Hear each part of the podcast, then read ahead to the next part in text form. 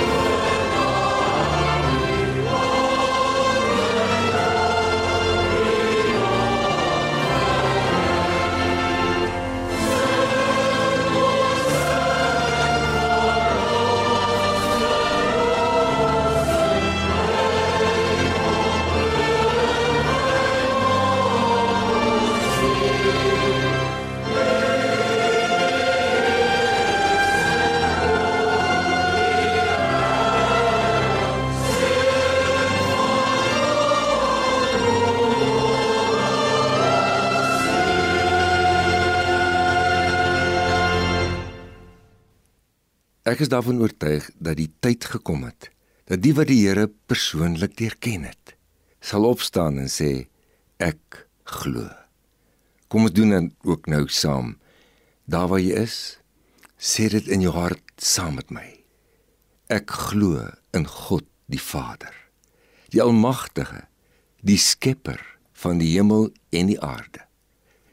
En ek glo in Jesus Christus, sy eniggebore seun, ons Here, wat ontvang is van die Heilige Gees, gebore is uit die maagd Maria, wat vir ons gelei het onder Pontius Pilatus, gekruisig is, gesterf het en begrawe is, die ergste deurgemaak het, maar wat op die derde dag weer opgestaan het uit die dood, opgevaar het na die hemel en sit nou aan die regterhand van God die almagtige Vader, vanwaar hy weer sal kom om te oordeel die wat nog lewe en die wat reeds gesterf het. Ek glo in die Heilige Gees. Ek glo aan 'n heilige algemene Christelike kerk, die gemeenskap van die gelowiges. Ek glo aan die vergifnis van sondes, die wederopstanding van 'n verheerlikte liggaam en ek glo in 'n ewige lewe saam met God. Amen.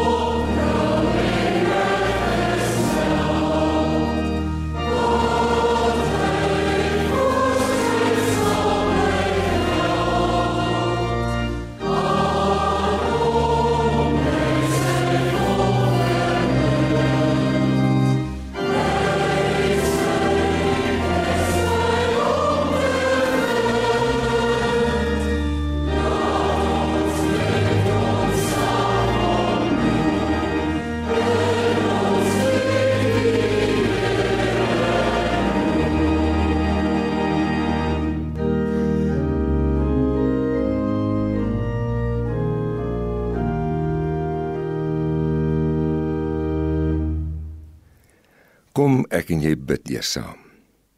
Here, ons kom met ons sag, maar as gevolg van u genade ook met vrymoedigheid bidend na u toe. Om met u in kontak te kom, om by u te wees, om uit die hart te hoor wat u wil sê, is ons elkeen se behoefte. Dankie vir die genade wonder dat u die onbeskryflike magtige God ons so tegemoet kom met soveel omgee Ons verwagting is van U dat ons anders van hier af verder sal gaan. Amen. Met hoeveel moed pak jy die lewe elke dag aan? Navorsers doen navorsing oor mense se vlakke van geluk, hulle meet vlakke van vertroue ensovoorts. En as hulle nou my en jou vlakke van moed hê sou meet, wonder waar sal dit staan? Hierdie tye en in hierdie tyd van die jaar kom 'n mens agter hoe laag mense se vlakke van gemoed is. Hoe dat hulle moed verloor het baie keer. Dit het te doen met ons uitputting. Dat ons ook nie altyd 'n uitkoms sien en goeie vooruitsigte daar vir ons is waaroor ons seker kan wees nie. Dit terwyl mens moet besef om met moed te lewe is so uiters belangrik. En die rede is, is dat dit al bewys is dat dit ons gesondheid raak. Ons kreatiwiteit, ons deursettingsvermoë, moed in ons lewe het 'n groot uitwerking op ons diensbaarheid vir die samelewing, vir die mense om ons, vir die Here en sy saak. As mens moed verloor het, maak dit jou lam. Mens skep net moed as daar vir jou 'n uitkoms is waarvan jy seker is. 'n Uitkoms wat jou sal bring by 'n betekenisvolle lewe en by geluk. Maar dan moet jy weet, al is jy op pad daarheen, dat jy intussen die nodige bystand en hulp sal hê. Ek weet nie waar jy vandag is en hoe dit gaan nie, maar elkeen van ons beleef by geleentheid dat ons in ons gemoed op 'n lae vlak is. Maar daar is goeie nuus. Ons lees hoe Paulus van die Bybel dit beleef het en wat gebeur het. Ons lees uit 2 Korintiërs 7 vers 5 tot 7 en ek gebruik hier die sogenaamde Afrikaanse standaardvertaling wat in 2014 uitgegee is. Kom ek lees dit saam met jou. Toe ons in Macedonië gekom het, het ons vlees geen rus gehad nie. Maar is dit in alles verdruk, van buite stryd, van binne vrese. Maar die God wat die mismoediges bemoedig, het ons bemoedig deur die koms van Titus maar nie net deur sy teenwoordigheid nie, maar ook deur die bemoediging waarmee hy oor julle bemoedig is. Kyk saam met my na die volgende. Ons kan uiteindelik met moed verder. Ek wil ook dat ons stil staan by die verrassende manier hoe die Here en deur wie hy hierdie moed en uitkomste bewerkstellig en uiteindelik hoe dat hy dit ook vir jou en vir my wil doen. Ons kan uiteindelik met moed verder. Hier staan met klem dat ons 'n God het van moed en uitkoms. Die woorde maar God wat die mismoediges bemoedig wat ons gelees het, lui letterlik in die Griekse grondteks so: die God die bemoedigende. Dit word as sy wese beskryf. Hy wil en hy kan ons met moed verder laat lewe. Hierdie moed wat 'n mens het as jy 'n uitkoms sien en verseker is daarvan. As jy weet jy gaan by 'n betekenisvolle lewe en by geluk uitkom, dit gaan nie noodwendig daaroor dat hy dit net lekker en gemaklik maak nie. Nee, dit sal ons nie sommer so hê nie. Hy het gesê ons sal probleme hê, maar binne in dit sal ons met moed kan lewe met betekenis en met geluk. Hier word 'n Griekse woord vir bemoediging gebruik wat ek die beste so moet vertaal. Iemand wat by jou aansluit en daar al die soorte hulp en bystand bied tot jy ander kant by die uitkoms uitkom. Daarom vertaal die 84 vertaling van die Bybel, die eerste uitgawe, hierdie woorde soos volg: uitkoms gee. Kom ek lees dit. Aan God die Vader van ons Here Jesus Christus, dis nou 2 Korintiërs 1 vers 3, aan hom kom al die lof toe. Hy is die Vader wat hom ontferm en die God wat in elke omstandigheid uitkoms gee.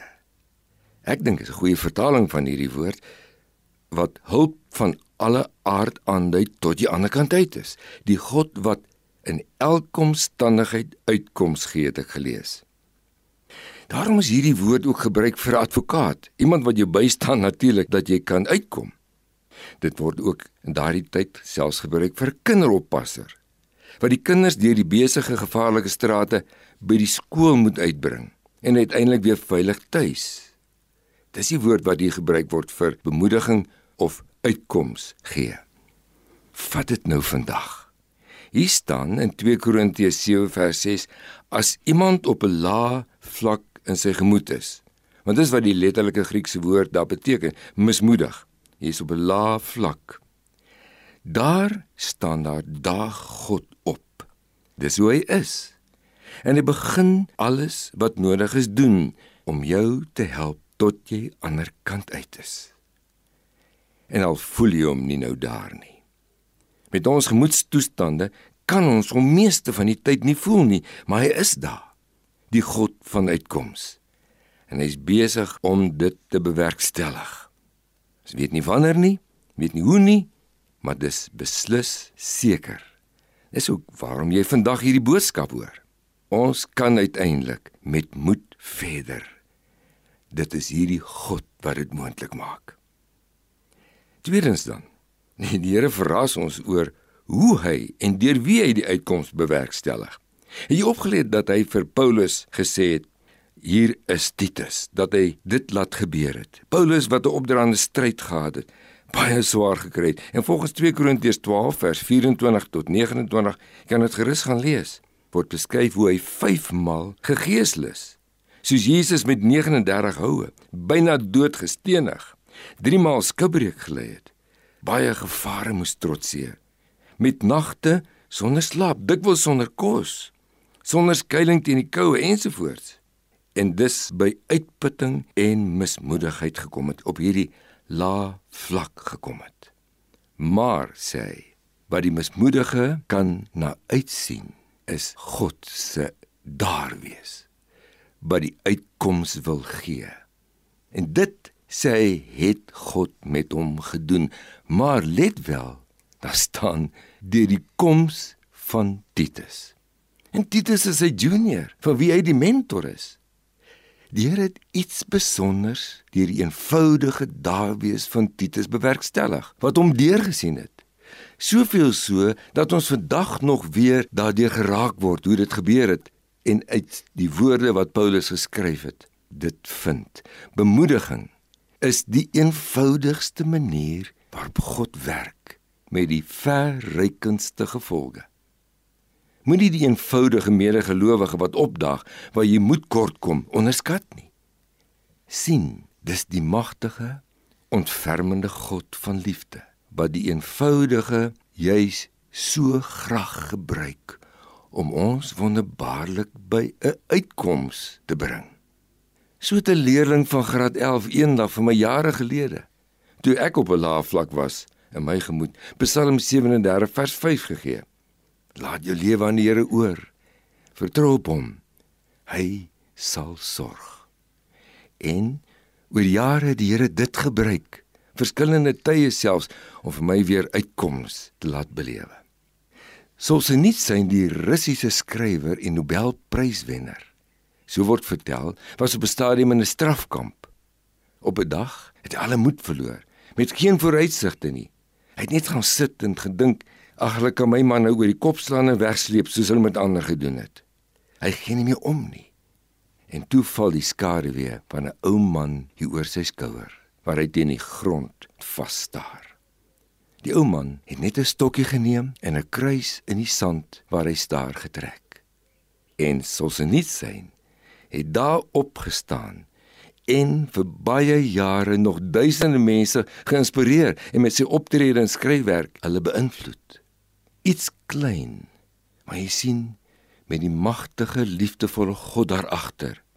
Dit is hoe hy dit gebruik om mense by 'n wonderbaarlike uitkoms te bring. Dit kan jy verwag. Dis waarom jy vandag hierdie woord uit die Bybel hoor. Die Here wil dit ook vir jou doen.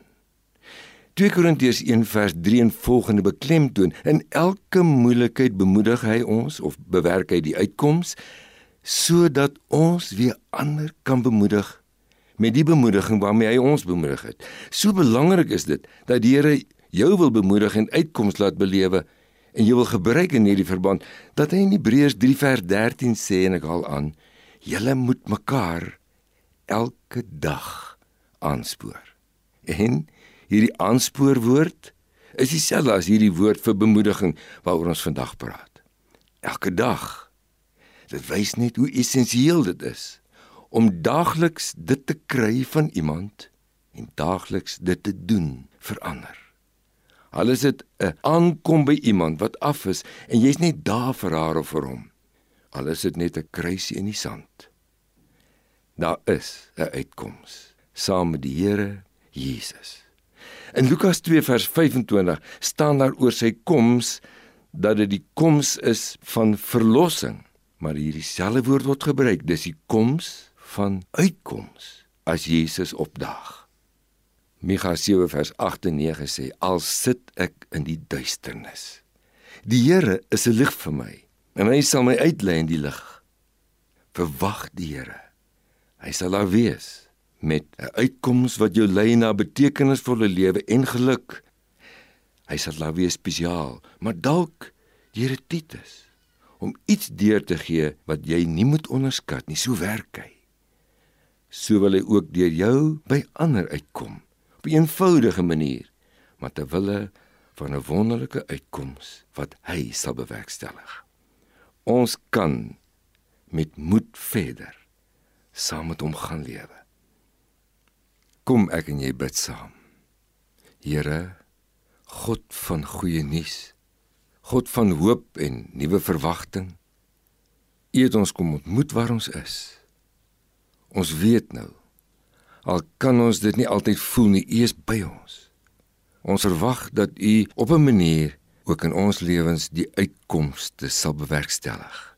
Ons bring by die lewe en die vreugde waar U ons wil hê. Te midde van ons omstandighede. Here, gebruik my ook om U by ander uit te bring as ek opdaag by iemand wat mismoedig is. Werk ook deur my o God van uitkoms. In die naam van Jesus bid ek dit. Amen. Kom ons elkeen leef nou eers mee in hierdie lied waar ons vir die Here sê: Here Redder, groot en magtig. U het ook my hand kom vat.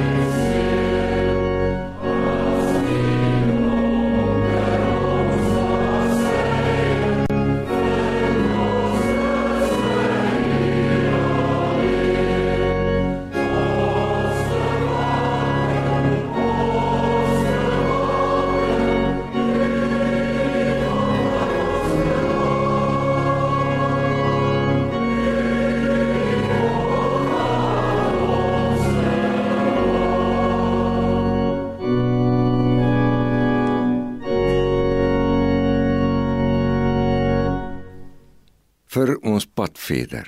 Glo ek die Here wil ons seën. En ontvang dit nou met 'n biddende en 'n oop hart. Die Here sal jou seën en jou beskerm. Die Here sal tot jou redding verskyn en jou genadig wees. Die Here sal jou gebede verhoor en aan jou sy vrede gee. Amen.